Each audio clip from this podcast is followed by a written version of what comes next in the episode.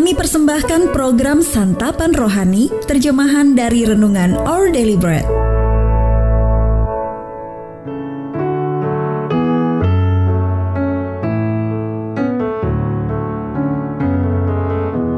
Sahabat ODB, pembacaan Alkitab hari ini terambil dari Wahyu pasal yang kelima ayat yang ke-6 sampai dengan ayat yang ke-10. Wahyu pasal yang kelima ayat yang ke-6 sampai dengan ayat yang ke-10. Maka aku melihat di tengah-tengah tahta dan keempat makhluk itu, dan di tengah-tengah tua-tua itu berdiri seekor anak domba seperti telah disembelih, bertanduk tujuh dan bermata tujuh. Itulah ketujuh roh Allah yang diutus ke seluruh bumi. Lalu datanglah anak domba itu dan menerima gulungan kitab itu dari tangan Dia yang duduk di atas tahta itu. Ketika ia mengambil gulungan kitab itu, tersungkurlah keempat makhluk dan kedua puluh empat tua-tua itu di hadapan anak domba itu. Masing-masing memegang satu kecapi dan satu cawan emas penuh dengan kemenyan. Itulah doa orang-orang kudus dan mereka menyanyikan suatu nyanyian baru. Katanya, "Engkau layak menerima gulungan kitab itu dan membuka meterai-meterainya, karena engkau telah disembelih, dan dengan darahmu engkau telah membeli mereka bagi Allah dari tiap-tiap suku dan bahasa dan kaum dan bangsa." Dan engkau telah membuat mereka menjadi suatu kerajaan dan menjadi imam-imam bagi Allah kita. Dan mereka akan memerintah sebagai raja di bumi. Ayat emas renungan hari ini terambil dari satu Raja-Raja pasal yang ke-8, ayat yang ke-59. Hendaklah perkataan yang telah kupohonkan dekat pada Tuhan Allah kita siang dan malam. Renungan hari ini berjudul Doa yang Berharga ditulis oleh James Banks. Sahabat ODB Clark's Nutcracker adalah jenis burung yang menakjubkan.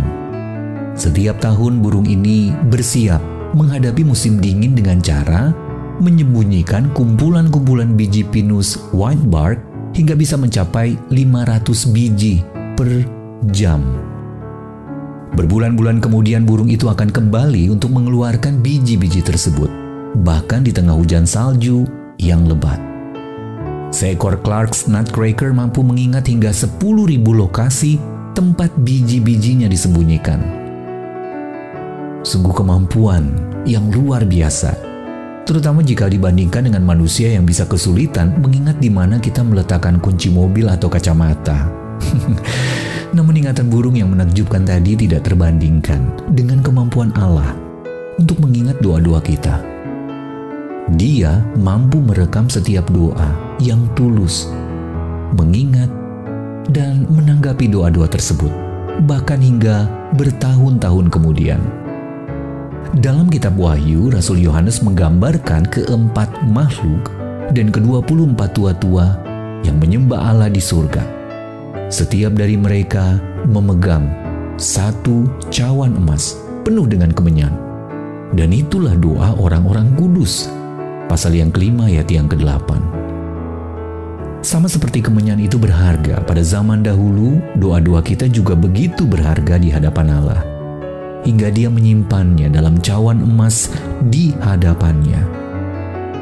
Doa-doa kita berarti bagi Allah karena kita berarti baginya. Dan melalui kebaikannya yang tidak layak kita terima dalam Yesus, dia membuka bagi kita akses yang tak terhalangi untuk datang kepadanya. Ibrani pasal yang keempat ayat 14 sampai 16. Karena itu berdoalah dengan berani. Ketahuilah bahwa tidak sepatah kata pun akan dilupakan atau disalah mengerti oleh Allah, karena Dia sangat mengasihi kita. Sahabat ODB, bagaimana Anda dapat dikuatkan saat menyadari bahwa Allah tidak pernah melupakan doa-doa Anda. Siapa yang perlu Anda doakan hari ini?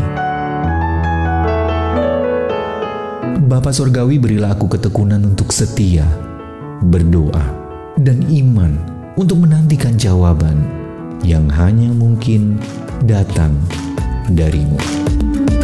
Our Daily Bread Ministries Wartakan firman pada dunia Jika Anda ingin mendapatkan buku renungan ini dalam bahasa Indonesia, Inggris, atau Mandarin, WhatsApp kami di 0878 7878 9978 atau email indonesia@odb.org dan kunjungi website santapanrohani.org.